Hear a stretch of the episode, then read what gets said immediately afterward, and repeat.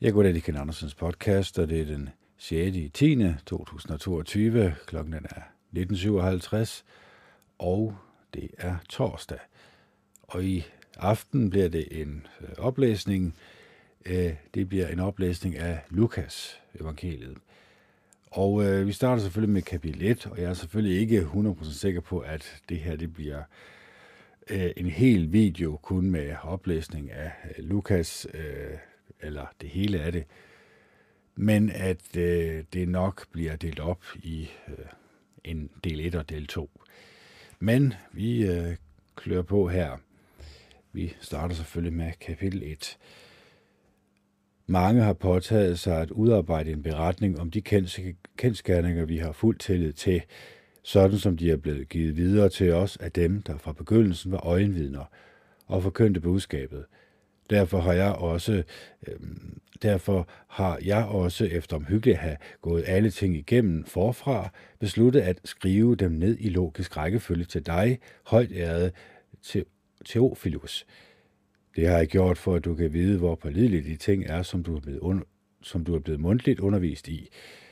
På den tid, da Herodes var konge i Judæa, var der en præst ved navn Zakarias, som tilhørte Abias hold af præster. Hans hustru var Aarons slægt, og hun hed Elisabeth. De var begge retfærdige i Guds øjne, fordi levede helt og fuldt efter alle Jehovas bud og love. Men de havde ingen børn, for Elisabeth kunne ikke blive gravid, og de var begge oppe i årene. Mens Zacharias nu tjente som præst for Gud sammen med sit hold af præster, gik han, som det var skik blandt præsterne, ind i Jehovas helligdom, da det blev hans tur til at ofre røgelse. Og en stor forsamling stod udenfor og bad på det tidspunkt, hvor røgelsesofferet blev bragt. Jehovas engel viste sig nu for ham, stående ved højre side af røgelsesaldret. Men Zacharias blev forskrækket over at se englen, og han var lammet af frygt. Englen sagde imidlertid til ham, Vær ikke bange, Zacharias, for Gud har hørt din bøn, og din hustru Elisabeth skal føde dig en søn, og du skal kalde ham Johannes. Og du vil blive glad, ja, jublende glad, og mange vil glædes over hans fødsel, for han skal være stor i Jehovas øjne. Men han må ikke drikke vin eller andet, der indeholder alkohol, og allerede før sin fødsel vil han være fyldt med helligånd, og han vil få mange af Israels sønner til at vende tilbage til deres Gud Jehova. Han vil også gå foran ham med Elias' ånd og kraft for at få fædres hjerter til at blive som børns hjerter, og de ulydige til at handle klogt og rigtigt for at gøre et folk klar til Jehova. Zacharias sagde til englen, Hvordan kan jeg være sikker på det? Jeg har jo gammel og min hustru op i årene. Som svar sagde englen til ham, Jeg er Gabriel, som tjener for en Gud, og jeg er blevet sendt til dig for at fortælle dig denne gode nyhed. Men nu vil du blive stum, og du vil ikke kunne tale igen, før den dag de ting sker, for du troede ikke på mine ord, som vil blive opfyldt, når tiden er inde. Imens ventede folk på Zakarias, og de undrede sig over, at han blev så længe i helligdommen. Da han kom ud, kunne han ikke tale til dem, og de blev klar over, at han lige havde fået et overnaturligt syn derinde. Han blev ved med at gøre tegn til dem, men han var stadig stum. Da nu hans dage med hellig tjeneste var gået, tog han hjem. Nogle dage senere blev hans hustru Elisabeth gravid, og hun holdt sig for sig selv i fem måneder. Hun sagde, Jehova har gjort dette for mig. Han har rettet sin opmærksomhed mod mig, for at man ikke mere skal se ned på mig.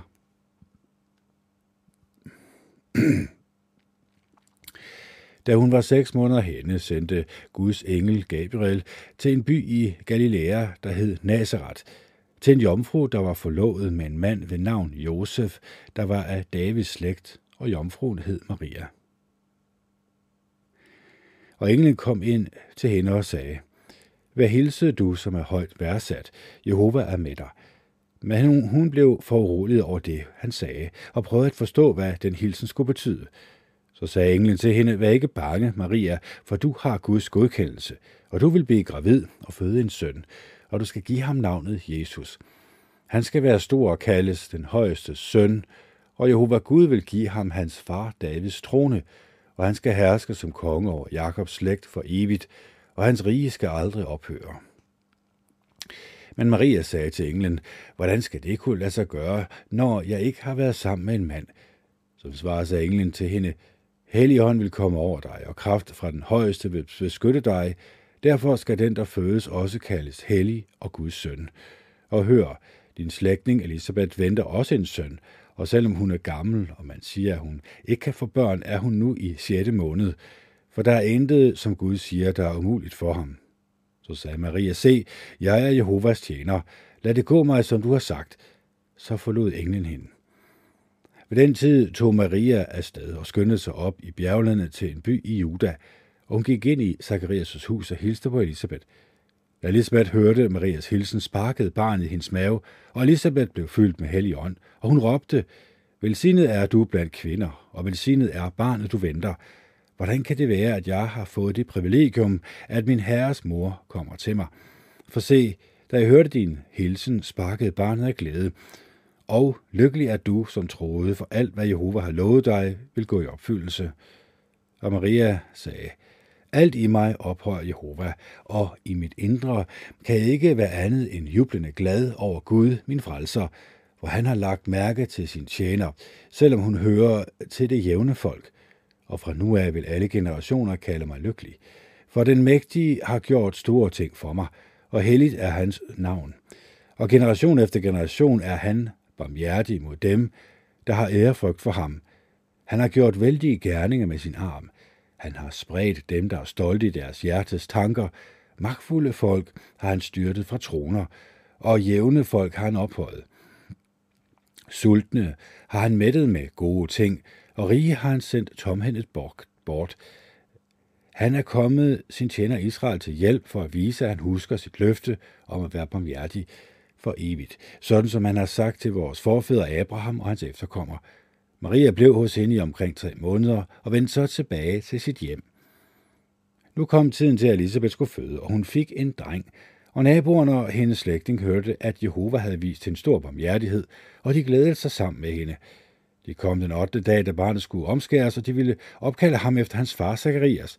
Men hans mor sagde, nej, han skal hedde Johannes. Jamen, der er der ingen i din familie, der hedder det, sagde de til hende. Derefter spurgte de faren ved hjælp af tegn, hvad han ville have, at drengen skulle hedde. Så bad han om en tavle og skrev, hans navn er Johannes. Det undrede de sig alle over. Med, med det samme blev hans mund åbnet, og hans tunge løsnede, og han begyndte at tale og at lovprise Gud. Og alle i deres nabolag blev grebet, blev grebet af ærefrygt, og i hele Judæas bjergland begyndte folk at tale om alt det, der var sket. Og alle, der hørte det, gemte det i deres hjerter og sagde, hvad må denne dreng skal blive til? For Jehova var med ham. Nu blev Zakarias, drengens far, fyldt med helligånd, og han profeterede. Lad Jehova Israels Gud blive lovprist, for han har vendt sin opmærksomhed mod sit folk og befriet det, og han har sørget for, at en magtfuld frelser er fremstået i hans tjener Davids slægt, sådan som han lovede gennem sine hellige profeter i gammel tid. Han lovede at frelse os fra vores fjender og fra alle dem, der hader os, for at vise os barmhjertighed, som han har lovet vores forfædre, og for at huske sin hellige pagt. Det er den ed, han aflag over for vores forfar Abraham, at han vil give os det privilegium at udføre hellig tjeneste for ham, uden frygt, efter at vi er blevet befriet fra vores fjender, så vi kan være trofaste og gøre det, der er rigtigt, så længe vi lever. Og du, lille barn, du skal kaldes den højestes profet, for du vil gå foran Jehova for at bane hans veje, for at give hans folk kundskab om, at han vil frelse det ved at tilgive dets sønder, på grund af sin inderlige medfølelse. Denne medfølelse fra himlen vil skinne på os, som når solen står op, for at give lys til dem, der sidder i mørke og i dødens skygge, og lede vores fødder ind på fredens vej. Og drengen voksede op og blev et karakterfast menneske, og han levede i ørkenen indtil den dag, han trådte frem for Israel. Kapitel 2 I de dage befalede kejser Augustus, at indbyggerne i hele riget skulle registreres. Denne første registrering fandt sted, da Quinikus var statsholder i Syrien, og alle to afsted fra hver sin by for at blive registreret. Josef, der nedstammer fra David, tog naturligvis også afsted fra Galilea, fra byen Nazareth op til Judæa, til Davids by, som hedder Bethlehem. Han tog afsted for at blive registreret sammen med Maria, der som lovet var blevet gift med ham, og nu var højgravid. Mens de var der, kom tiden, hvor hun skulle føde, og hun fødte en dreng, sin første fødte, og hun pakkede ham ind i tøjstrimler og lagde ham i en krybbe, for der var ikke plads til dem på overnatningsstedet. I det samme område var der også hyrder, som levede udendørs og holdt vagt over deres hjort om natten. Pludselig stod Jehovas engel foran dem, og Jehovas herlighed strålede omkring dem, og de blev meget bange. Men englen sagde til dem, I skal ikke være bange, for jeg er kommet for at fortælle jer en god nyhed om en stor glæde, som hele folket vil få del i.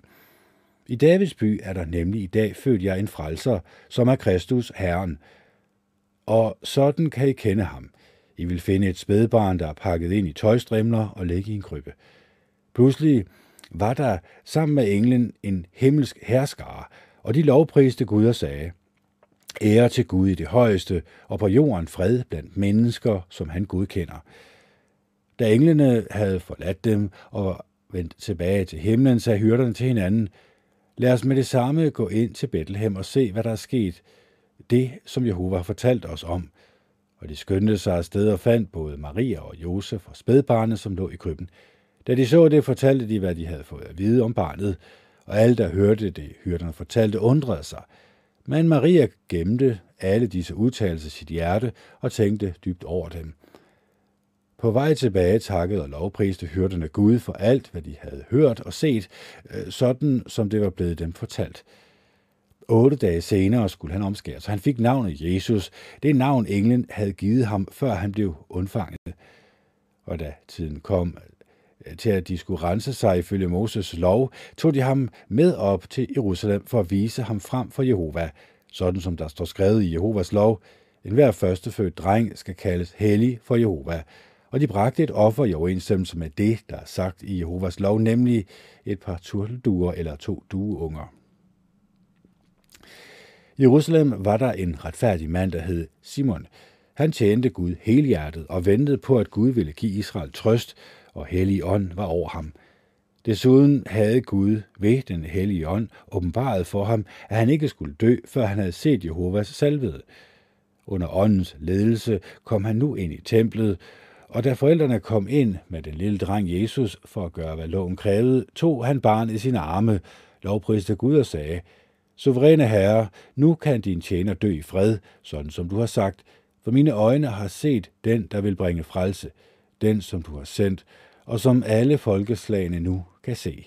Et lys, der skal fjerne sløret fra nationerne og være til ære for dit folk Israel. Og barnets far og mor blev ved med at undre sig over de ting, der blev sagt om ham – Simon velsignede dem og sagde til Maria, barnets mor, på grund af dette barn vil mange i Israel falde, og andre vil blive rejst op, og mange vil modsige ham, selvom Gud vil vise folk tegn på, at han er med ham. Ja, et langt svær skal gennembore dig, for at manges hjerters tanker kan blive afsløret. Anna, en ældre profetinde, som var datter af Faniol og fra Asers stamme, var også i templet. Hun havde været gift i syv år. Nu var hun enke 84 år gammel, og hun var aldrig væk fra templet, hvor hun nat og dag tilbad Gud med faster og bønder. Netop på det tidspunkt kom hun hen og begyndte at takke Gud og tale om barnet til alle, der ventede på Jerusalems befrielse. Da de havde gjort alt det, de skulle ifølge Jehovas lov, vendte de tilbage til Galilea til deres egen by Nazareth. Drengen voksede og blev stærk. Han blev fyldt med visdom, og han havde fortsat Guds godkendelse – Hvert år plejede hans forældre at tage til Rusland til påskehøjtiden, og da han var 12 år, tog de derop, som det var tradition ved højtiden. Da højtiden var slut, og de var på vej hjem, blev, blev Jesus tilbage i Jerusalem, uden at hans forældre lagde mærke til det. De troede, at han var med i den gruppe, de fulgtes med, så de rejste en hel dag, før de begyndte at lede efter ham blandt slægtninge og bekendte. Men da de ikke fandt ham, tog de tilbage til Jerusalem og ledte omhyggeligt efter ham. Endelig efter tre dage fandt de ham i templet, hvor han sad midt blandt lærerne og lyttede til dem og stillede dem spørgsmål. Alle, der hørte ham, var forbavset over hans forståelse og hans svar. Da hans forældre fik øje på ham, blev de overrasket, og hans mor sagde til ham, Jamen barn dog, hvorfor har du behandlet os på den måde? Din far og jeg har desperat let efter dig. Men han sagde til dem, Hvorfor ledte I efter mig? Vidste I ikke, at jeg måtte være i min fars hus? De forstod dog ikke, hvad han sagde til dem. Så fulgte han med dem ned og tog tilbage til Nazareth, og han fortsatte med at adlyde dem. Og hans mor gemte omhyggeligt alle disse udtalelser i sit hjerte. Jesus voksede op og fik endnu større visdom, og han blev mere og mere vældigt af Gud og mennesker. Kapitel 3 I kejser Tiberius' 15. regeringsår var Pontius Pilatus statsholder i Judæa, Herodes var lokalfyrste i Galilea, hans bror Philip var lokalfyrst i Iturea og Trachonitus, og Lysanias var lokalfyrste i Abilene. Annes var en af de øverste præster, og Kafas var ypperste præst. På det tidspunkt gav Gud Johannes Zacharias søn et budskab i ørkenen. Så han gik så ud i hele området omkring Jordanfloden og forkyndte for folk, at de skulle lade sig døbe som symbol på, at de havde angret, så de kunne få deres synder tilgivet. Sådan som der står skrevet i bogen med profeten Esajas ord, en stemme råber i ørkenen, ryd Jehovas vej, gør hans veje lige. Hver dal skal fyldes op, og hver bjerg og hver høj flades ud. De kroge veje skal gøres lige, og de ujævne veje jævnes ud hvor alle skal se Guds frelse. Og da begyndte han at sige til de mange mennesker, der kom for at blive døbt af ham, Giftslange yngel, hvem har fortalt jer, at I kan flygte fra den kommende vrede? Vis derfor i handling, at I har angret. I skal ikke sige til jer selv, vi er Abrahams børn, for jeg siger jer, at Gud er i stand til at gøre disse sten til Abrahams børn. Ja, øksen ligger allerede ved foden af træerne. De træer, som ikke giver god frugt, vil altså blive fældet og kastet i ilden. Og de mange mennesker spurgte ham, jamen, hvad skal vi gøre? Han svarede dem, jo, den, der har en ekstra klædning, skal dele med den, der ikke har nogen, og den, der har noget at spise, skal gøre det samme. Selv skatteopkræverne kom for at blive døbt, og de sagde til ham, lærer, hvad skal vi gøre? Opkræv ikke mere end den fastsatte skat, svarede han. Og soldaterne spurgte ham, hvad skal vi gøre? Han sagde til dem, I må ikke afpresse nogen eller true nogen med falske anklager, men vær tilfreds med jeres løn. Nu var folket i forventning om, at Kristus skulle komme, og alle spekulerede på, om det måtte kunne være Johannes. Så Johannes sagde til dem, jeg døber jer med vand, men der kommer en, der er stærkere end mig, og jeg er ikke engang god nok til at løse remmen på hans sandaler. Han vil døbe jer med hellig ånd og med ild. Han har sin kasteskovl i hånden for at rydde sin tærskeplads fuldstændig og samle veden ind i, sine, i sin lade. Men avnerne vil han brænde med en ild, der ikke kan slukkes. Han kommer også med mange andre opfordringer og fortsætter med at forkynde gode nyheder for folk. Desuden i rette satte han lokalfyrsten Herodes for alt det onde, han havde gjort, og fordi han levede sammen med sin brors hustru Herodias. Derfor begik Herodias endnu en forbrydelse. Han kastede Johannes i fængsel. Dengang alle folk blev døbt, blev Jesus også døbt. Mens han bad, åbnede himlen sig, og den hellige ånd dalede ned over ham i form af en due, og der lød en stemme fra himlen – du er min søn, som jeg elsker. Jeg har godkendt dig.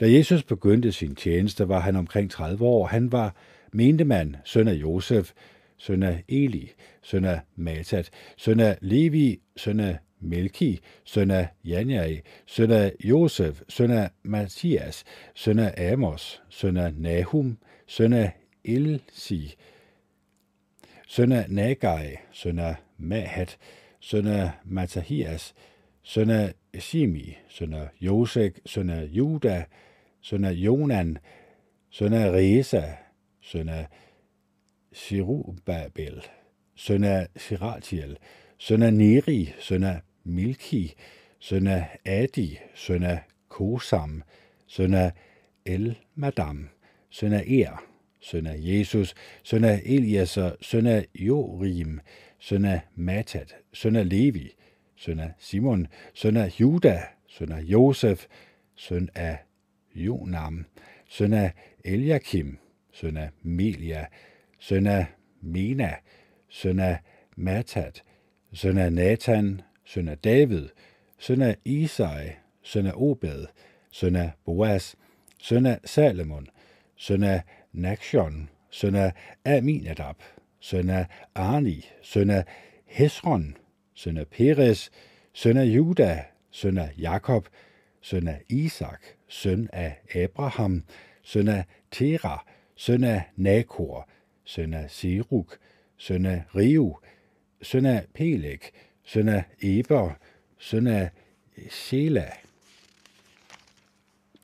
søn af Kenan, søn af Arpashat, søn af Sem, søn af Noah, søn af Lemek, søn af Methusalem, søn af Enok, søn af Jered, søn af Mahalalel, søn af Kenan, søn af Enos, søn af Set, søn af Adam, søn af Gud.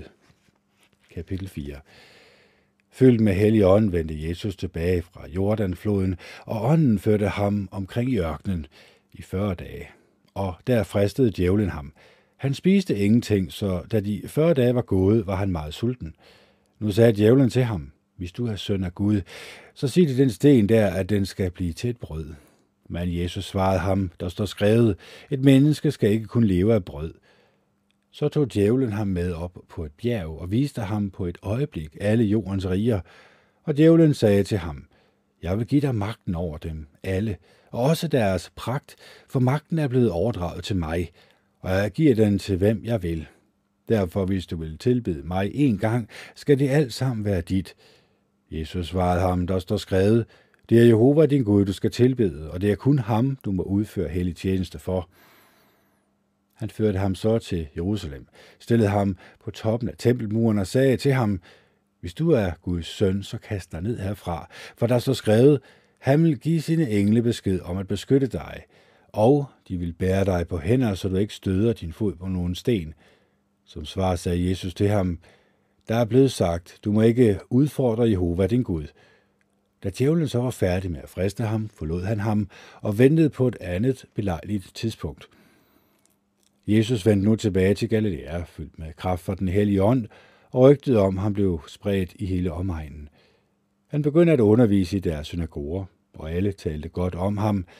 Så tog han til Nazareth, hvor han var vokset op, og som han plejede på sabbatsdagen, gik han hen i synagogen.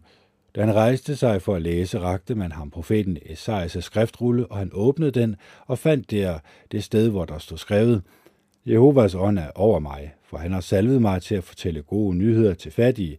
Han har sendt mig for at forkynde, at de, der er i fængsel, skal sættes fri, og at blinde skal se, for at befri de undertrykte, og for at forkynde om en tid, hvor man kan blive godkendt af Jehova. Derefter rullede han skriftrullen sammen, gav den tilbage til synagogetjeneren og satte sig, og alle stirrede spændt på ham, så indledte han med at sige til dem, i dag er det skriftet, I lige har hørt, blevet opfyldt. Og de begyndte alle at tale rosen om ham, og de var fascineret af de gode og tiltalende ord, der kom fra hans mund. Og de sagde, jamen er det ikke Josefs søn? Så sagde han til dem, I vil sikkert bruge denne tale mod om mig. Læge, helbred dig selv, og I vil sige, vi har hørt om det, der er sket i Kapernaum. Gør det samme her på din hjemmeegn. Derfor sagde han, det siger jeg, ingen profet er anerkendt på sin hjemmeegn. Tro mig, der var mange enker i Israel på Elisas tid, dengang det ikke regnede i tre og et halvt år, og hele landet blev ramt af stor hungersnød. Alligevel blev Elias ikke sendt til nogen af dem, men tværtimod til en enke i Sarepta i Sidons land. Og der var mange spedalske i Israel på profeten Elias' tid, og alligevel var der ikke nogen af dem, der blev helbredt, men det blev til gengæld syren Nahman, da alle i synagogen hørte det, blev de rasende, og de sprang op og jagede ham ud af byen, og de førte ham hen til kanten af det bjerg, som deres by var bygget på, for at kaste ham ned. Men han gik lige igennem flokken og rejste videre. Han kom så ned til Capernaum, en by i Galilea, og han underviste dem på sabbaten, og de var helt forbavset over hans måde at undervise på, for han talte med autoritet. Nu var der en i synagogen, en mand, der var besat af en dæmon, en uren ånd, og han sagde, Ah, hvad har vi med dig at gøre, Jesus fra Nazareth? Er du kommet for at gøre det af med os? Jeg ved godt, hvem du er. Du er Guds hellige. Men Jesus beordrede ånden, ti stille og kom ud af ham. Dæmonen kastede manden til jorden for øjnene af dem, og kom så ud af ham uden at skade ham. Alle blev forbavset og begyndte at sige til hinanden, hvad er det dog for en magt og autoritet, han taler med? Selv de urene ånder adlyder ham at komme ud og nyheden om ham blev spredt og nået ud til alle dele af egnen. Da han havde forladt synagogen, gik han ind i Simons hus. Simons svigermor lå syg med høj feber, og de bad ham om at hjælpe hende. Han bøjede sig over hende og gav feberen ordre til at forsvinde, og den forsvandt. Straks stod hun op og begyndte at sørge for dem. Da solen var ved at gå ned, kom alle hen til ham med deres syge. Han helbredte dem ved at lægge hænderne på hver enkelt af dem. Der kom også dæmoner ud af mange, og de råbte og sagde, du er Guds søn. Men han gav dem strenge ordre om ikke at tale, for de vidste, at han var Kristus. Til det næste morgen tog han hen til et øde sted, men folkeskarne begyndte at lede efter ham og fandt ham, og de prøvede at hindre ham i at forlade dem. Men han sagde til dem, jeg skal også forkynde den gode nyhed om Guds rig i de andre byer. Det er jo derfor, jeg er blevet sendt ud. Så fortsatte han med at forkynde i synagogerne i Judæa. Kapitel 5 En gang da Jesus stod ved Genesrets sø, maste folk sig ind på ham for at høre Guds ord. Og han så to både, der var lå ved søbredden. Fiskerne var gået i land og var ved at skylle deres net. Han gik ombord i en af bådene, nemlig Simons, og bad ham lægge lidt fra land. Så satte han sig ned og begyndte at undervise de mange mennesker fra båden. Da han var færdig, sagde han til Simon, sejl ud, hvor der er dybt, og kast jeres net i vandet. Men Simon sagde, lærer, vi har knoklet hele natten, uden at fange noget, men fordi du siger det, vil jeg kaste nettene ud. Og da de gjorde det, fangede de så mange fisk, at deres net begyndte at gå i stykker. De gjorde tegn til fiskerne i den anden båd om at komme og hjælpe dem, og de fyldte begge både, så de var ved at synke. Da Simon Peter så det, faldt han på knæ foran Jesus og sagde, Gå væk fra mig, herre, for jeg er en sønder. Både han og de, der var med ham, var nemlig chokeret over den fangst, de havde fået. Det samme var Jakob og Johannes, Zebedeus' sønner, som drev fiskeri sammen med Simon. Men Jesus sagde til Simon, Du skal ikke være bange, fra nu af er det mennesker, du skal fange. Så roede de både i land, forlod alt og fulgte ham. Ved en anden lejlighed befandt Jesus sig i en af byerne. En mand, der var hårdt angrebet af spedalskhed, fik øje på ham, kastede sig ned og tryllede ham, Herre, hvis du bare vil, kan du gøre mig rask. Så rakte Jesus hånden frem og rørte ved ham. Det vil jeg, sagde han. Bliv rask. Straks forsvandt spedalskheden fra ham. Han gav manden besked på ikke at fortælle det til nogen, og sagde til ham, gå hen og lad præsten undersøge dig og bring et offer for at blive renset, sådan som Moses har foreskrevet, så det kan være et vidnesbyrd for dem. Men nyheden om ham blev spredt, og folk strømmede til for at høre ham og for at blive helbredt for deres sygdom. Alligevel gik han ofte ud til øde steder for at bede. En dag, mens han underviste, sad der fariser og lovlærer, som var kommet fra alle landsbyerne i Galilea og Judæa, og fra Jerusalem, og Jehovas kraft var med ham, så han kunne helbrede. Nu kom der nogle mænd med en mand, som var lam, og lå på en borger, og de prøvede at komme ind, så de kunne lægge ham foran Jesus – men det kunne de ikke på grund af de mange mennesker. Så de kravlede op på taget, og gennem taget firede de øh, borgen med den lamme mand ned lige foran Jesus. Da han så deres tro, sagde han, Min ven, dine sønner er blevet tilgivet. Så begyndte de skriftlet og faktisk at sige til hinanden, Hvem er det, der våger at sige noget så blasfemisk? Er det ikke kun Gud, der kan tilgive sønder? Men Jesus forklarede det, de tænkte og sagde til dem, Hvad er det, I tænker i jeres hjerte? Hvad er lettest at sige? Dine sønner er blevet tilgivet, eller rejs dig op og gå, men for at I kan vide, at menneskesønnen har myndighed på jorden til at tilgive sønder, så sagde han til den larme mand, jeg siger dig, rejs dig op, tag din borger og gå hjem. Han rejste sig op for øjnene af dem, tog sin borger og gik hjem, mens han lovpriste Gud. Og de var alle sammen ude af sig selv af begejstring. De begyndte at lovprise Gud, og fyldt med ærefrygt sagde de, vi har set det utroligste ting i dag. Derefter gik han udenfor, og han så en skatteopkræver ved navn Levi, der sad på skattekontoret og sagde til ham, Følg mig. Han rejste sig, forlod alt og begyndte at følge ham. Så serverede Levi et stort festmåltid for ham i sit hus, og der var mange, der var rigtig mange skatteopkræver og andre, som spiste sammen med dem. Det fik farisæerne og deres skriftlærer til at, for, til at forarve at spørge hans disciple, hvorfor spiser og drikker I sammen med skatteopkræver og syndere? Jesus svarede dem, de raske har ikke brug for en læge, men det har de syge. Jeg er ikke kommet for at indbyde retfærdige, men for at motivere syndere til at angre. De sagde så til ham, Johannes disciple faster tit og beder, og det gør farisæernes disciple også, men dine spiser og drikker. Jesus sagde til dem, man kan ikke få brudgommens venner til at faste, så længe brudgommen er sammen med dem, vel? Men den dag kommer, hvor brudgommen, hvor brudgommen bliver taget væk fra dem, til den tid vil de faste. Han brugte også en illustration. Ingen skærer et stykke af en ny yderklædning for at lappe noget gammelt tøj. Hvis man gør det, vil den nye lap rive sig løs, og lappen vil ikke passe til det gamle tøj. Og ingen fylder ny vin på gamle skindsække. Hvis man gør det, vil den nye vin sprænge skindsækkene og løbe ud, og skindsækkene blive ødelagt. Nej, man fylder ny vin på nye skindsække. Ingen vil efter at have drukket den gamle vin have lyst til den nye vin, for man vil sige, at den gamle er god.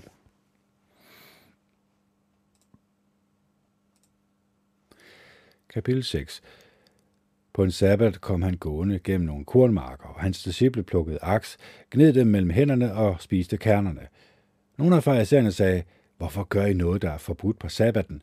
Men Jesus svarede dem, har jeg aldrig læst, hvad David gjorde, dengang han og de mænd, der var med ham, blev sultne. Han gik ind i Guds hus, fik de hellige brød, spiste og gav dem til nogen til sine mænd, selvom det kun er præsterne, der har lov til at spise dem. Så sagde han til dem, Menneskesønnen er herre over sabbaten. På en anden sabbat gik han ind i psykologen og begyndte at undervise. Og der var der en mand, hvis højre hånd var lam. De skriftlige der farisæerne holdt nu skarpt øje med Jesus for at se, om han ville helbrede på sabbaten, så de kunne finde noget at anklage ham for. Han var klar over, hvad de tænkte, så han sagde til manden med den lamme hånd, Rejs dig og stil dig her i midten. Og han rejste sig og stillede sig der. Så sagde Jesus til dem, jeg spørger jer, er det tilladt at gøre noget godt eller noget ondt på sabbaten? At redde et liv eller at ødelægge det? Efter at have set rundt på dem alle, sagde han til manden, Ræk din hånd frem. Det gjorde han, og hånden blev rask. Men, der blev de, men de blev rasende og begyndte at tale om, hvad de skulle gøre ved Jesus. En af de dage gik han op på bjerget for at bede, og hele natten bad han til Gud. Og da det blev dag, kaldte han sine disciple til sig, og blandt dem udvalgte han tolv, som han kaldte apostle. Simon, som han også kaldte Peter, hans bror Andreas, Jakob, Johannes, Filip, Bartholomeus, Matthæus, Thomas, Alfæus' søn Jakob, Simon, der kaldes den ivrige, Jakobs søn Judas og Judas Iskariot, der blev forræder. Og han kom ned sammen med dem og stillede sig på et jævnt sted – en stor skare af hans disciple og en masse mennesker fra hele Judæa og Jerusalem og kystegen ved Tyrus og Sidon var kommet for at høre ham og for at blive helbredt for deres sygdomme. Selv de, der var plaget af urene ånder, blev helbredt. Og alle de mange mennesker forsøgte at røre ved ham, for der udgik en kraft fra ham, som helbredte dem alle. Og han så på sine disciple og sagde, Lykkelig er I, som er fattige, for Guds rige er jeres. Lykkelig er I, som sulter nu, for I vil blive mætte. Lykkelig er I, som græder nu, for I skal le. Lykkelig er I, når mennesker hader jer, og når de udelukker jer, skælder jer ud og stempler jeres navn som ondt på grund af menneskesønnen. I skal juble på den dag og springe af glæde, for jeres belønning er stor i himlen, for det var sådan, deres forfædre plejede at behandle profeterne. Men ved jer, som er rige, for I har fået hele jeres trøst. Ved jer, som er mætte nu, for I skal sulte. Ved jer, som ler nu, for I skal sørge og græde. Ved jer, når alle mennesker taler godt om jer, for sådan behandlede deres forfædre de falske profeter. Men jeg siger til jer, som hører efter, bliv ved med at elske jeres fjender, at gøre godt mod dem, der hader jer, at velsigne dem, der forbander jer, og at bede for dem, der fornærmer jer. Den, der slår dig på den ene kind, ham skal du også vende den anden kind til, og den, der tager din yderklædning, ham skal du også lade tage din underklædning. Giv til enhver, som beder dig, og når nogen tager dine ting, så kræv dem ikke tilbage. Og sådan, som vi ønsker, at andre skal gøre mod jer, sådan skal I gøre mod dem. Hvis I elsker dem, der elsker jer, hvilken ros kan I så forvente for det? Selv sønderne elsker jo de mennesker, der elsker dem. Og hvis I gør godt mod dem, der gør godt mod jer, hvilken ros kan I så forvente for det? Selv sønderne gør det samme. Og hvis I låner ud til dem, som I regner med at betale tilbage, hvilken ros kan I så forvente for det? Selv sønderne låner ud til søndere for at forlige så meget igen. I skal tværtimod blive ved med at elske jeres fjender, og at gøre godt, og at låne ud, uden at håbe at få noget igen. Så vil jeres belønning blive stor, og I vil være den højeste sønder, for han er god mod de utaknemmelige og onde. Bliv ved med at være barmhjertige, ligesom jeres far er barmhjertig. Og hold op med at dømme, så vil I ikke selv blive dømt, Hold op med at fordømme, så vil I ikke selv blive fordømt. Bliv ved med at tilgive, så vil I selv blive tilgivet. Gør jeg det til en vane at give, så vil man give til jer.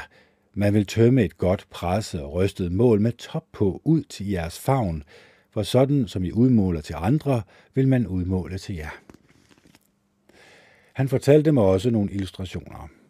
Kan en blind lede en blind, vil ikke begge falde i et hul. En elev står ikke over sin lærer, men enhver, som er fuldt ud oplært, vil være som sin lærer.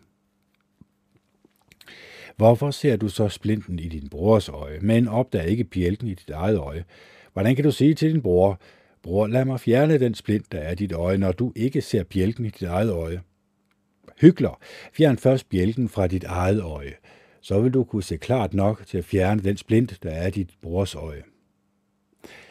Intet godt træ bærer råden frugt, og intet råden træ bærer god frugt.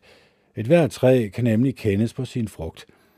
For eksempel plukker man ikke fine af tjørn, og man høster heller ikke druer af en tornebusk. Et godt menneske tager noget godt frem fra sit hjerte, men et ondt menneske tager noget ondt frem fra sit hjerte, for hvad hjertet er fuld af, løber munden over med. Hvorfor kalder I mig herre, herre, når I ikke gør, hvad jeg siger? Enhver, der kommer til mig og hører mine ord, og handler efter dem, er som ham, jeg nu vil fortælle jer om. Han er som en mand, der ville bygge et hus. Han gravede dybt ned og lagde fundamentet på klippen. Så blev der oversvømmelse, og floden væltede ind mod huset, men det kunne ikke rokkes, for det var bygget godt. En hver, der hører og ikke handler efter det, er derfor som en mand, der byggede et hus på den bare jord uden fundament. Floden væltede ind mod det, og det styrtede straks sammen og blev fuldstændig ødelagt. Kapitel 7 Efter han havde sagt, hvad han ville sige til de mange mennesker, gik han ind i Kapernaum. Nu var der i byen en officer, der havde en tjener, han var meget glad for, og tjeneren var alvorligt syg og lå for døden. Da han hørte om Jesus, sendte han nogle af jødernes ældste hen for at bede ham om at komme og gøre hans tjener rask. De fandt Jesus og sagde indtrængende, han fortjener, at du gør dette for ham, for han elsker vores folk, og det er ham, der har bygget vores synagoge.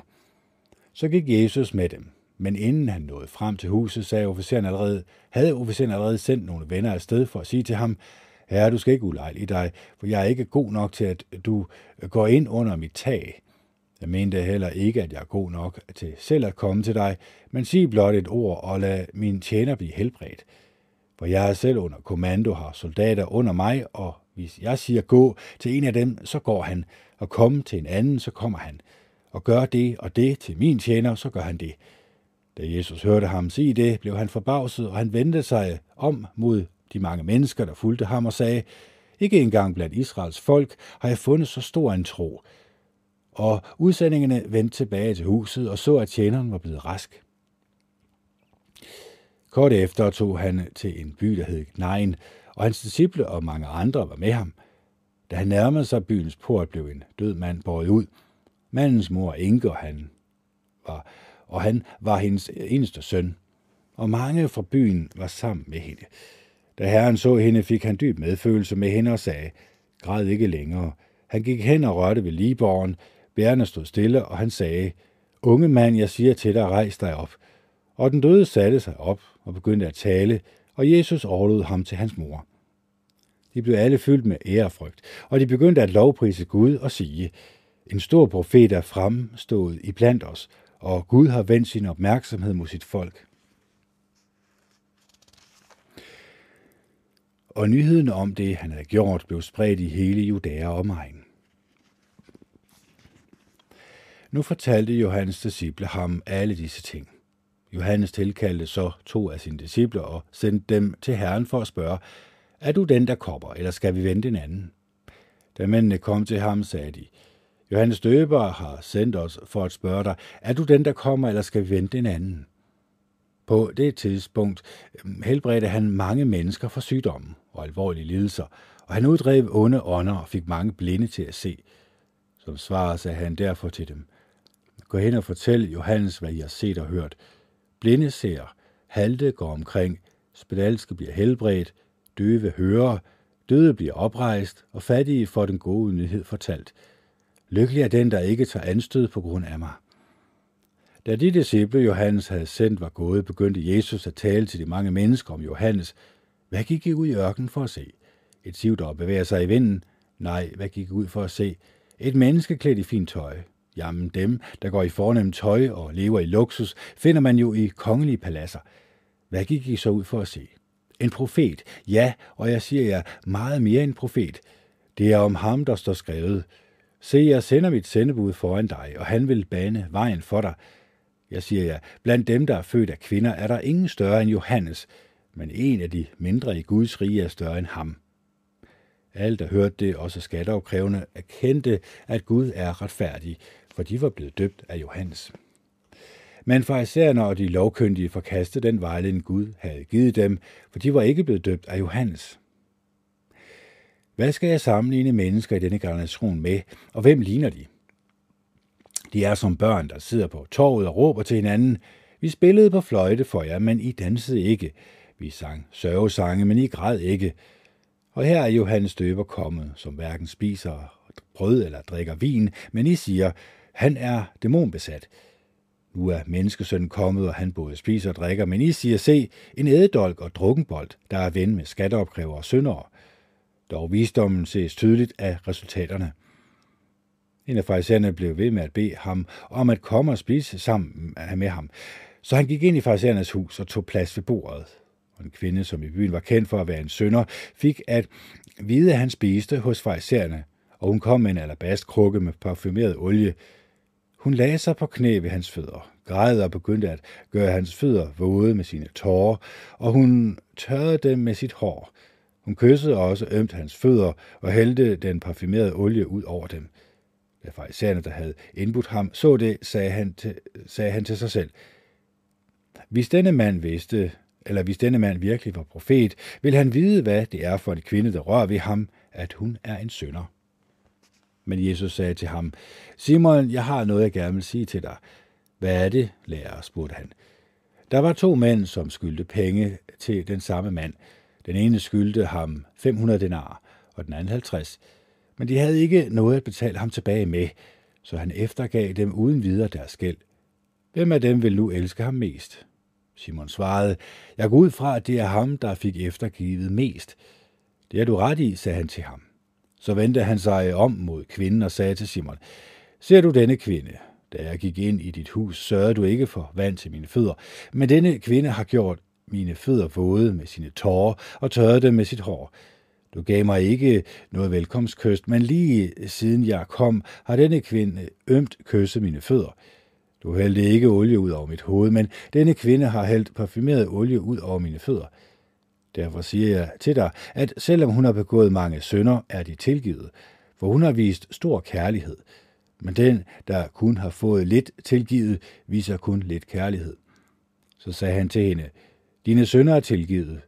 De, der lå til bord sammen med ham, begyndte at sige til hinanden, hvem er denne mand, der endda tilgiver synder? Men han sagde til kvinden, din tro har frelst dig, gå med fred.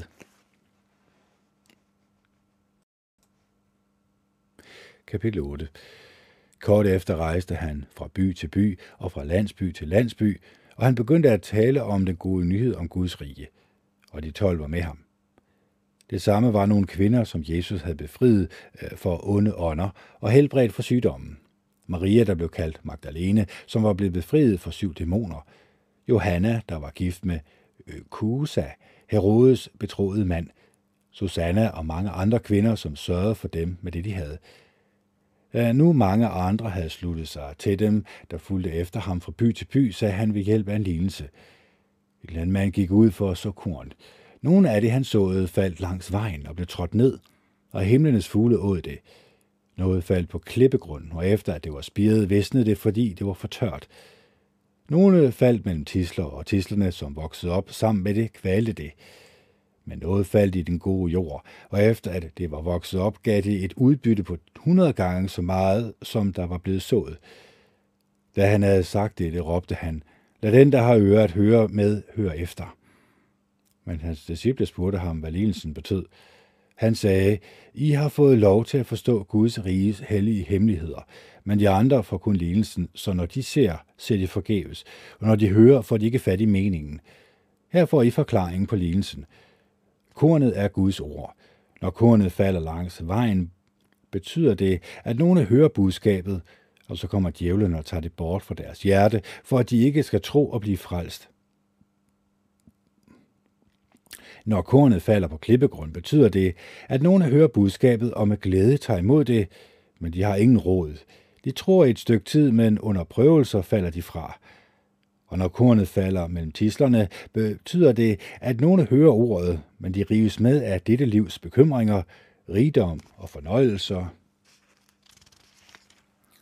Så de bliver fuldstændig kvalt og aldrig kommer til at bære moden frugt. Men når kornet falder i den gode jord, betyder det, at nogle hører ordet med et smukt og godt hjerte, bevarer det, holder ud og bærer frugt. Ingen, der har tændt en olielampe, skjuler den under et kar eller sætter den under en seng, men han sætter den på en stander, så de, der kommer ind, kan se lyset. For der er intet skjul, som ikke vil blive synligt, og heller intet omhyggeligt gemt, som aldrig vil blive vendt og komme frem i lyset. Vær derfor opmærksomme på, hvordan I hører efter, for den, der har, vil man give mere, men den, der ikke har, fra ham vil man tage selv det, han forestiller sig, han har. Nu kom hans mor og hans brødre, men de kunne ikke komme i nærheden af ham på grund af de mange mennesker. Så man sagde til ham, din mor og dine brødre står udenfor og vil tale med dig. Han sagde, min mor og mine brødre, det er dem, der hører Guds ord og følger det. En dag gik han og hans disciple ombord i en båd, og han sagde til dem, lad os tage over til den anden side af søen. Så sejlede de ud. Mens de sejlede, faldt han i søvn, og der kom et voldsomt stormvejr hen over søen, og båden begyndte at tage vand ind og var ved at synke. Så de vækkede ham og sagde, Lærer, lærer, vi er ved at gå under. Han rejste sig og råbte af vinden og de voldsomme bølger, som øh, så lagde sig, og der blev stille. Han sagde til dem, hvor er jeres tro? Men forfærdet og overrasket sagde de til hinanden, hvem er det menneske egentlig? Selv vindene og bølgerne giver han ordre, og de adlyder ham. Og de sejlede ind til bredden i Gerasernes område, som ligger over for Galilea. Da Jesus gik i land, kom en dæmonbesat mand fra byen ham i møde. Manden havde i lang tid ikke haft tøj på, og han boede ikke i et hus, men mellem graverne. Ved synet af Jesus kastede han sig skrin ned foran ham og råbte, Hvad har jeg med dig at gøre, Jesus, søn af den højeste Gud? Jeg beder dig, pin mig ikke. Jesus havde nemlig befalet den urene ånd at komme ud af manden. Den havde taget magten over ham ved mange lejligheder, og han var igen og igen blevet bundet med kæder og fodlænker og holdt bevogtet men han sprængte det, han var bundet med, og dæmonerne drev ham ud på isolerede steder. Jesus spurgte ham, hvad er dit navn? Han sagde legion, for mange dæmoner var gået i ham. Og de blev ved med at bede ham om ikke at sende dem ned i afgrunden. Nu gik der en stor flok svin og rodede efter føde på bjerget, så dæmonerne bønfaldt ham om at få lov til at gå i svinene, og det gav han dem lov til. Så kom dæmonerne ud af manden og gik i svinene, og flokken for ud over skrænten og ned i søen, hvor de druknede. Da svinehyrden så, hvad der var sket, flygtede de, og de fortalte om det i byen og på landet. Så gik folk ud for at se, hvad der var sket. De kom til Jesus og så manden, der var blevet befriet fra dæmonerne. Han sad ved Jesu fødder, påklædt og ved sin forstandsfulde brug, og de blev bange. De, der havde set, hvad der var sket, fortalte dem, hvordan den dæmonbesatte var blevet gjort rask. Mange fra Geræsernes område bad nu Jesus om at forlade dem, for de var bange. Han gik så ombord i båden for at tage afsted. Manden, som dæmonerne var kommet ud af, blev ved med at spørge, om han ikke måtte komme med ham.